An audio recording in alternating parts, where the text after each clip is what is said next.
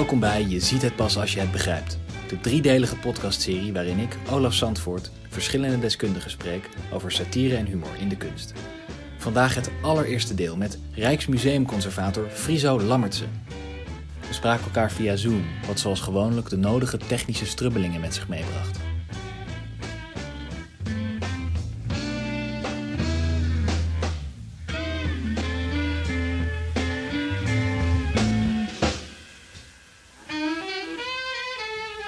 Het doet nu heel raar. Nu zie ik jou niet meer. Even kijken.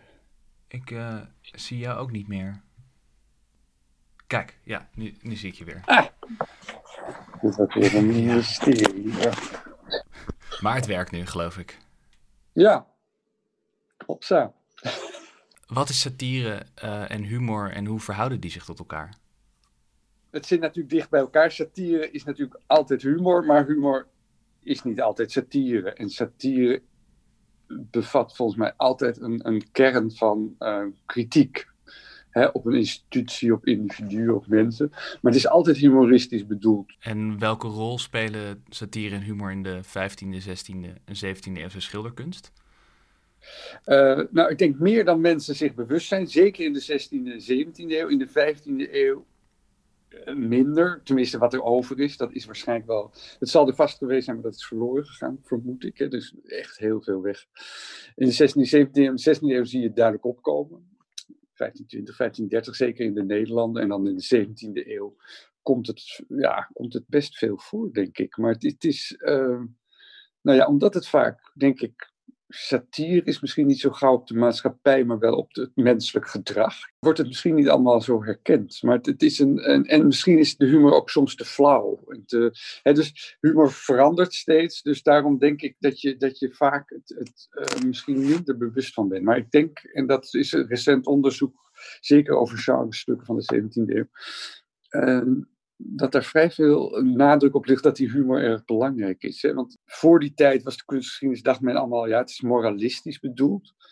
Dat zit er, lijkt er toch wat minder in te zitten. En die moraal wordt juist met humor gebracht. En het lijkt juist meer dat die humor belangrijker is dan die moraal. En je zegt dat het dan dus uh, voor de 16e eeuw er nog niet was. Um, uh, hoe weten we dan vanaf de 16e eeuw dat het er wel in zit? Uh, nou, de 15e eeuwse schilderkunst wat bewaard is, zeker uit de Nederlanden, is uh, 99% religieus. En um, dus daar wordt het wel heel moeilijk om daar iets grappigs in te zien. Het, het, het zou best kunnen hoor. We kennen wel uit toneelstukken en zo dat er ja, humoristische uitlatingen zijn bij uh, bijbelse uh, toneelstukken. Dus het is niet helemaal uitgesloten, maar misschien missen we dat. We, lijken, uh, we zijn nu ontzettend overtuigd dat die religieuze voorstellingen, die vaak in kerken dat die volstrekt niet humoristisch zijn. Maar er zitten absoluut wel eens leuke details in hoor, van grappige hondjes of mannetjes die wegrennen. Of, hè, dus dat zijn hele subtiele dingen. Uh, maar het is, het, is, het is nog niet zo, zo grijpbaar als het in de 16e en 17e eeuw is, omdat het dan over het dagelijks leven gaat en dan wordt het allemaal wat makkelijker te herkennen. Ja, en in de 16e eeuw weten we het dus uh, door bepaalde bronnen, toch? Ja, je, je, hebt, je hebt dus gewoon schilderijen in het dagelijks leven die, die ons humoristisch lijken, of in ieder geval. De, en iemand als Karel van Mander, dat is 1604, maar goed, hij is in de 16e eeuw, uh, leeft hij voor het grootste deel, die schrijft over Breugel, dat is dan de, de beroepshumoristische schilder uit de 16e eeuw, die zegt ervan, je kan niet naar een schilderij van Breugel kijken zonder te lachen. Dus dan zie je dat, dat daar duidelijk een bedoeling is. En Breugel maakt ook bijbelse uh, tafereelen, dus dan, dan zie je al dat daar ook een soort humor in zit. En, en dat is natuurlijk dan wel weer interessant. Dat is dus ook religieus in de 16e eeuw? Nou, Breugel maakt zowel boerentaferelen, maar het merendeel van zijn schilderijen zijn religieus. Dus als Van Mander zegt, je kunt niet naar een schilderij van Breugel kijken, geen schilderij van Breugel kijken zonder te lachen, bedoelt hij daar vermoedelijk ook die religieuze mee. Dus daar zitten dan, hè, dat zijn enorme tafereelen met allemaal kleine mannetjes waar je altijd iets ontdekt. En daar zitten grappige mannetjes bij die rare houdingen doen. Of, of, of of iemand die poept. Hè. Dat was ontzettend geestig in de 16e eeuw. Dus uh, het betekent vooral dat er, dat er leuke details in zitten. En, en dat je die moet kunnen herkennen. En dat je daartoe wordt aangezet om die te ontdekken. En in de 17e eeuw, hoe manifesteert zich daar de humor?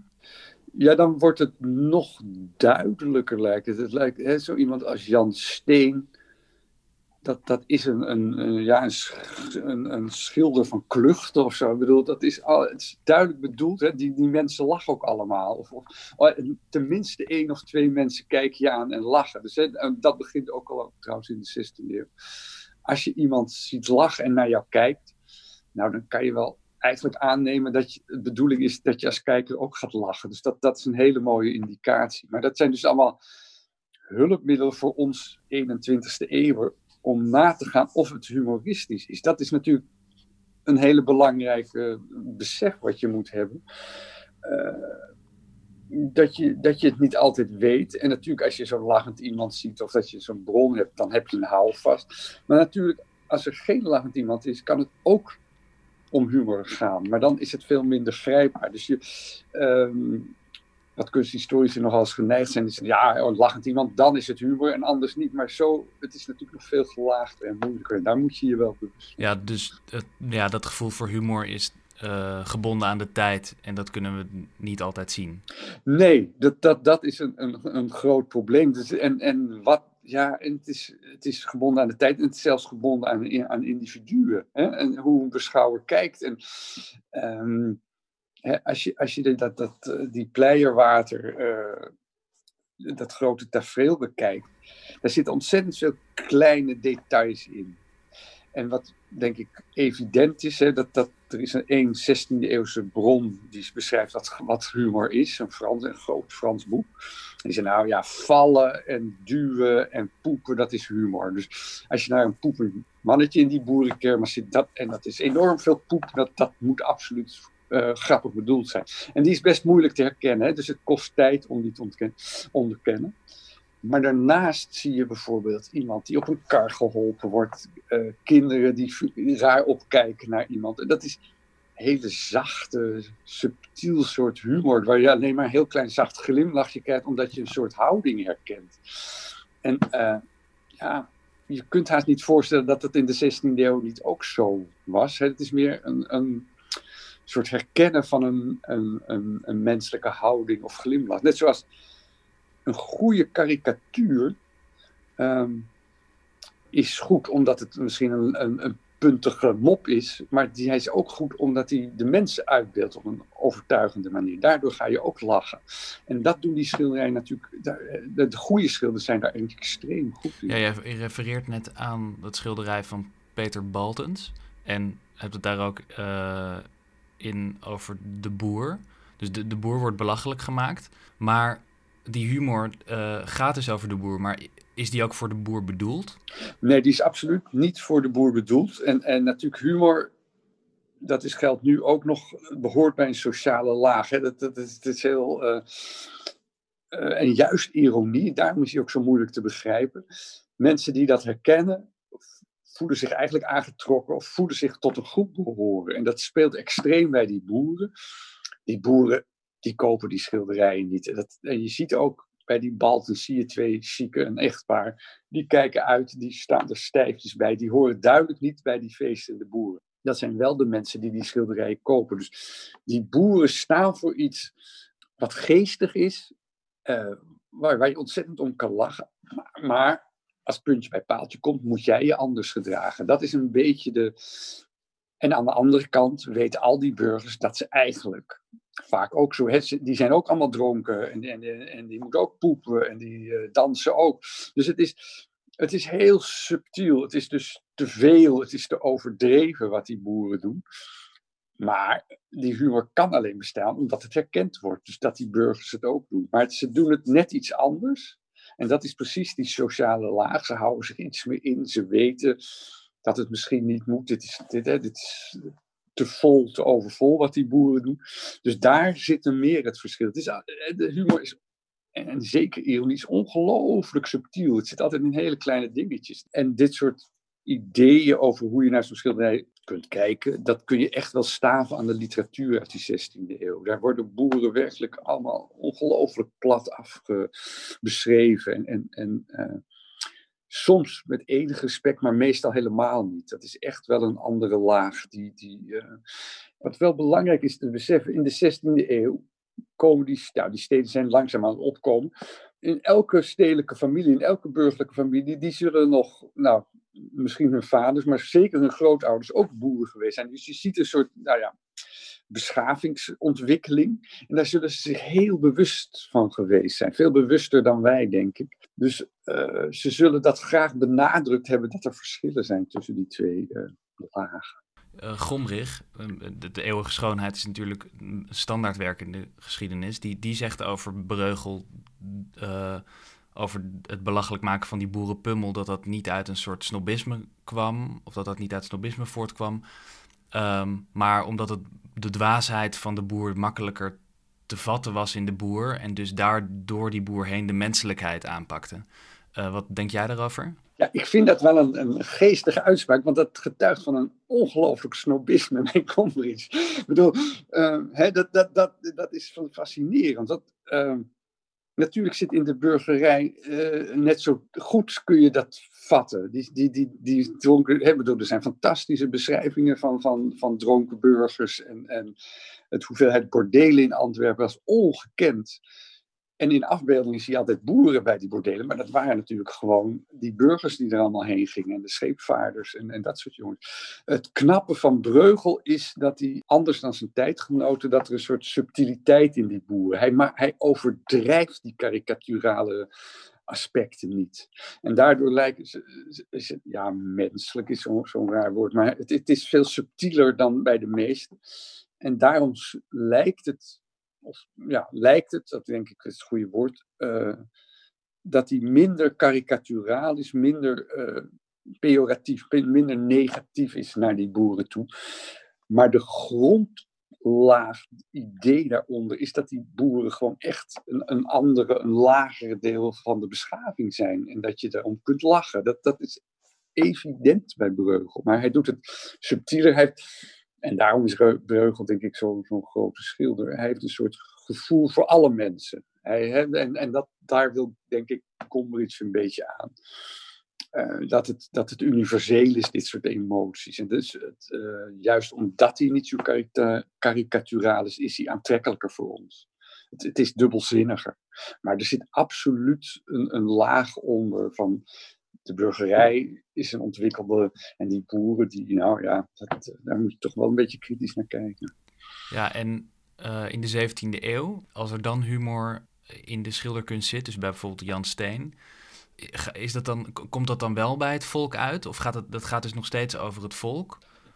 Ja, maar ook wel de burgerij. Dan, dan, hè, want hij doet vaak zichzelf als hoofdpersoon. Hè, hij zit er vaak zelf tussen. Dus hij, uh, hij, maar het is altijd een beetje over de top. Het is, het is nooit een heel net huishouden. Het is altijd ja, een huishouden als je dan steen.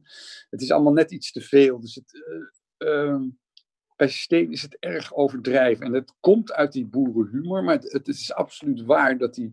Uh, dat hij, dat hij de burgerij als onderwerp neemt. En dat is dan wel vrij nieuw. Maar ja, hij overdrijft wel iets te, te nadrukkelijk, waardoor we weten dat het humoristisch bedoeld is. Dus hij gaat ook um, de spot drijven met de mensen van zijn eigen stand. Zeg ja, ja, kijk, uh, en dat is, uh, dan is het vaak hele, ja, ook weer van die zachte humor. Als je die, dat Sint-Nicolaasfeest ziet of zo, dan gaat het meer om het uitbeelden van bepaalde emoties die geestig zijn. Een meisje wat ontzettend gelukkig is, uh, omdat ze hele mooie cadeautjes heeft gekregen tegenover een jongen die de roe heeft gekregen en die huilt. En dat, dat, daar gaat het eigenlijk om het, om het subtiel uitbeelden van, uh, van, van een bepaalde gevoelens. En dat is eigenlijk, meer is die humor niet. En uh, verder is hij net zoals Breugel, houdt hij van, van gezegde spreekwoorden. En die, en die doet hij zo letterlijk mogelijk. Hè? Dus uh, zo de oude zongen pijpen de jongen. in het Rijksmuseum, dat, dat, dat, dus zie je, nou ja, wat betekent het? Nou, zoals de ouderen doen, zo zullen de kinderen ook doen. Dat betekent het. Maar hij doet het, of pijpen is natuurlijk uh, spelen, maar dat betekent ook pijproken. En daar speelt hij mee. Dus dat is een ander deel. Hè? Want al die kinderen, die, die, of een deel van die kinderen, die roken allemaal pijp. Nou, dat, dat hoort natuurlijk niet, maar dat is pijpen. Dus dat is een, een woordspeling. Dus daar zit ook een soort humor in. En, ja. uh, dus daar, daar wordt op verschillende lagen gespeeld. En het leuke aan steen is, uh, het zit in details, maar als je alle details bekeken hebt, dan klopt het schilderij, klopt uh, zeg maar wat hij bedoelt, klopt beter. Dus het, het geeft ontzettend een, een aanzet om dat schilderij goed te bekijken. Ja, en als de, de, de dus bij Breugel en bij Jan Steen er uh, humor in die uh, kunstwerken zit, hoe moet je daar dan als museum mee omgaan? Dat is best moeilijk, want net zoals je een grap gaat uitleggen, dan wordt die ontzettend flauw. En dat is met, met schilderkunst, als je een schilderij ontzettend gaat uitleggen, wordt dat misschien ook een beetje flauw. Dus daar, daar moet je een beetje tussen scholen. Maar als je niks zegt, dan denk ik dat heel veel mensen het missen. Dus ik denk dat je toch in teksten en, en dergelijke moet benadrukken dat humor bestaat. Want dat, dat is denk ik het, uh, het belangrijkste. Dat zo weinig mensen er. Uh, ga in een museum, iedereen moet stil zijn. Ik, ik ben ook wel eens een paar keer heb ik een reprimande gekregen omdat ik lachte of dat hard. Dus dat is niet de bedoeling. Terwijl die schilderijen dus bedoeld zijn om te lachen. Dus uh, wat dat betreft is het heel goed van u mag om dit schilderij lachen en, en wel en wel om die en die reden. Ja, en, en voor die tijd, als er dus nog geen, uh, tenminste nog geen bewijzen zijn van hu humor of zelfs satire in kunst, uh, soms zijn die schilderijen hebben toch een soort humoristisch effect. Ja, hoe moet je, moet je dat dan adresseren? Uh, nou, dat moet je zeker adresseren, maar dus niet om te zeggen van, goh, uh, wat een geestig schilderij, maar om mensen bewust te worden uh, dat je anders kijkt. Hè? Um, een, een, mooi voorbeeld is die Elisabethvloed. Dat, dat allemaal mensen zijn verdronken. De, de, de koeien en beesten die, die, die, die zijn aan het verdrinken. Je ziet grote onthoofde koppen op het water drijven.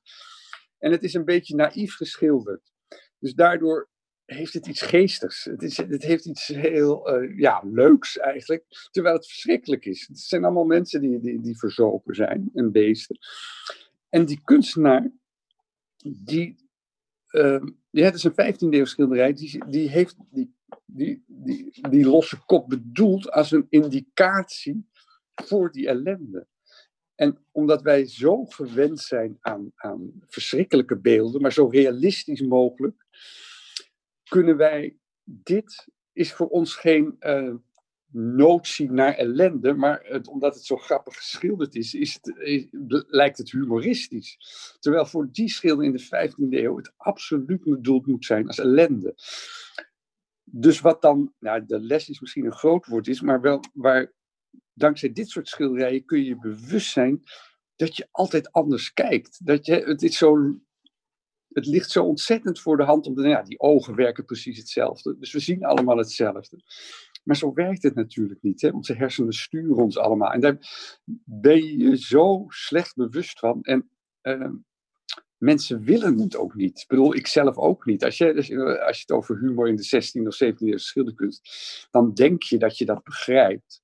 Maar je moet steeds weer denken van, ja, is het wel humoristisch of niet? En dat geldt voor die 15e eeuw ook. En bij het schilderij van die Elisabeth Vloed zijn er te veel aanwijzingen dat het niet humoristisch bedoeld is. Dus dat is een enorm goede, goed middel om je bewust te zijn nou, dat humor verandert, maar dat vooral je kijken verandert. Dat wat, wat je grappig vindt, dat dat ontzettend aan de tijd gebonden is. Ja, dus in, uh, in die Sint-Elisabeth vloed. Uh, ik zal trouwens er even voor zorgen dat uh, de luisteraars dit onderin in de show notes kunnen opzoeken.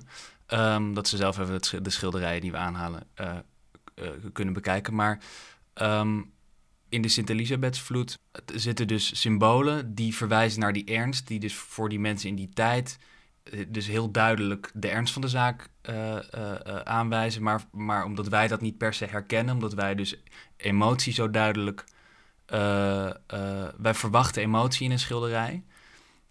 En daardoor is zeg maar, omdat het zo'n ernstig schilderij is, maar, maar, maar we, we zien mensen niet echt die echte emotie tonen. Daardoor wordt het dus een beetje komiek of humoristisch. Ja, nee, dat, dat, dat heb je heel goed uitgelegd. Dat dit, dit, de Elisabeth-vloed is, is descriptief en al die, hè, al, al zie je daar beesten verdrinken en koppen rondvuren, die mensen die hebben lijken er geen enkele invloed. Of, of, ze geen, of ze niet geraakt zijn daardoor. En dat, dat kan er bij ons niet in. Dat is voor ons geestig. Dat zie je in karikaturen. Als iemand enorm stom krijgt en, en mensen. Dat, dat is geestig. Dus uh, zo gaat dat schilderij bij ons werken. Maar voor hem is dat gewoon uh, descriptief voor ellende. En die, die mensen die roeien weg, die willen zich in veiligheid brengen. Maar hij kan geen emoties, of dat, dat, dat is zijn doel niet, om die uit te beelden. En voor ons is het dan onbegrijpelijk geworden. Of in ieder geval zijn intenties zijn onbegrijpelijk geworden. Vind jij dat er genoeg aandacht is voor satire en humor in de kunst? Nou, ik, uh, ik, ik denk dus eigenlijk een beetje van niet. Mensen kunnen niet zonder humor en dat zie je in die schilderijen. Dus dat is een, een belangrijk aspect eraan. En die humor zit vaak in subtiele dingen die je pas ontdekt als je goed naar zo'n schilderij kijkt. En dat is natuurlijk wat je eigenlijk als, uh, in een museum wilt bereiken, dat mensen meer dan twee seconden naar zo'n schilderij. Dus dat je ook echt gedwongen wordt zo'n schilderij te gaan ontdekken. Zo net zoals uh, bepaalde kinderboektekeningen, zeg maar, met heel veel details. Dat je langzaam ziet hoe, hoe, hoe ongelooflijk interessant zo en, en leuk een schilderij kan zijn. Dus het helpt ook nog om mensen langer naar schilderijen te laten kijken. Um, en wat denk je dat de bijdrage aan, zeg maar, je, je, je, je zegt dat er eigenlijk te weinig aandacht voor is. En wat zou de bijdrage van een museum als het Rijksmuseum uh, kunnen zijn? Nou ja, er, er aandacht op vestigen en, en, en zeggen van ja jongens, uh, hè, je hebt het hele serieuze schilderijen, dat is absoluut een belangrijk deel, maar vergeet dat andere niet. En, en ook, uh, je mag best lachen om een schilderij. En, en het, ook als je om de Elisabethvloed lacht, dat is natuurlijk ook prima, maar besef je dat dat, uh, dat, dat niet de bedoeling is. Dus uh, het is denk ik, uh, en dat kan je door, door bijschriften, is natuurlijk het meest effectief. podcast, handheld tours, allemaal dat soort dingen, dat je er wat meer en er zijn wel tentoonstellingen, er zijn niet zo lang geleden geweest over humor in de 17e eeuw. Dus, dus je ziet het wel, maar ik denk dat het nog wel wat steviger aangezet kan worden, op, op alle middelen eigenlijk. Ja, moet er nog meer onderzoek gedaan worden? Jazeker, want die humor is vaak zo subtiel. Je wil, je wil ontzettend graag weten hoe, die, natuurlijk, hoe zo'n kunstenaar dacht en wanneer. Ik denk dat vast ook dat we uh, veel missen. Maar ook dat we inderdaad om dingen lachen die helemaal niet als, als humor bedoeld zijn. En dat wil je ook niet. En, uh, en bijvoorbeeld in schilderijen van Vermeer of Terborg, daar lag niemand om. Maar het is nog maar de vraag of dat daar niet toch een soort laag in zit. Van, hè, dat zijn uh, juwelen van gedetailleerde, prachtige schilderijen. Maar het kan best dat daar, daar iets van humor in speelt. Dus ik denk dat we nu de meest directe, zoals stenen, zo wel herkennen. Maar het zal vast nog wel vaker zijn, in, in, sommige kleine details en dergelijke. Dus eh, ja, je moet zeker meer onderzoek doen. Je moet natuurlijk ook uh, ja, een beetje jezelf remmen, want niet in alles zit natuurlijk humor. Dat, nee. dat is ook evident. Zou het Rijksmuseum uh, in, in, in de, de kennis of de algemene opvatting over satire en humor een rol kunnen spelen? Uh, ik denk altijd door, door terug te kijken door, of, of ja, en dat kan natuurlijk tot drie jaar geleden terugkijken of tot, tot een jaar geleden, uh, dat je reflecteert op hoe dingen werken, dat je, dat je een functie hebt, dat je hè, altijd als je terugkijkt in de geschiedenis en probeert te analyseren, heb je een, een doel en dan kun je mensen op dingen wijzen. Dus dat, daardoor is het heel belangrijk. Je hoopt altijd als je naar, naar Breugel verwijst of naar Jan Steen, dat mensen dat uh, ook nou, zich bewuster worden van hoe het zelf in hun tijd werkt. Dus als je naar een Fokke en Sukke cartoon kijkt, hoe dat eigenlijk werkt en waar die, waarom wij dat eigenlijk grappig vinden. En, en, ook dat ze bewust zijn, als je dan over 30 jaar een Fokke en Sukke cartoon leest, dat je waarschijnlijk helemaal niet begrijpt in 9 van de 10 gevallen waarom hij grappig was. En dus dat het tijdelijk is. Ja. Uh, en, dat je daar moet, proberen in te voelen. En, en, en dat er aan de andere kant dus een soort doorlopende humor is. Want het grappige is natuurlijk dat we toch nog dingen uit die 15e, 16e, 17e eeuw direct herkennen als grappig. Dus er zit ook, dat maakt het zo leuk, een soort vaste humor in. Ja, dat is uh, de, de, de, de tijdloosheid van humor en tegelijkertijd de tijdgebondenheid van humor uh, die erin zit. Ja, dat is natuurlijk. Uh, dus, het is vreselijk om te concluderen, want je, ja. het is het, lijkt elkaar tegen te spreken, maar het is gewoon zo. En, en, uh, maar dat, dat, wijst precies dus ook op het, het, dat je dus om dingen kunt lachen die helemaal niet om te lachen zijn. En, en andere dingen die absoluut altijd hetzelfde zijn gebleven.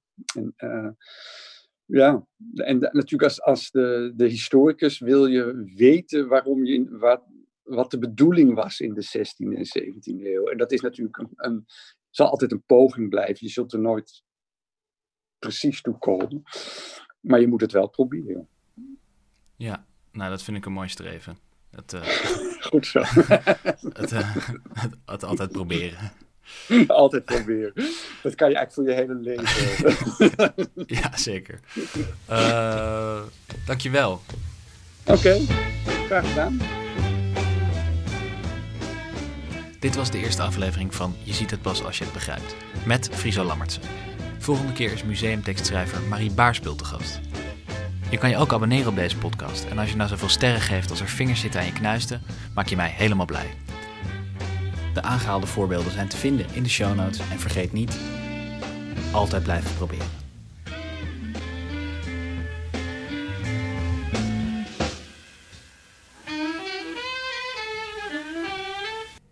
Dan, ja, dan ga ik hem nu even de opname stoppen.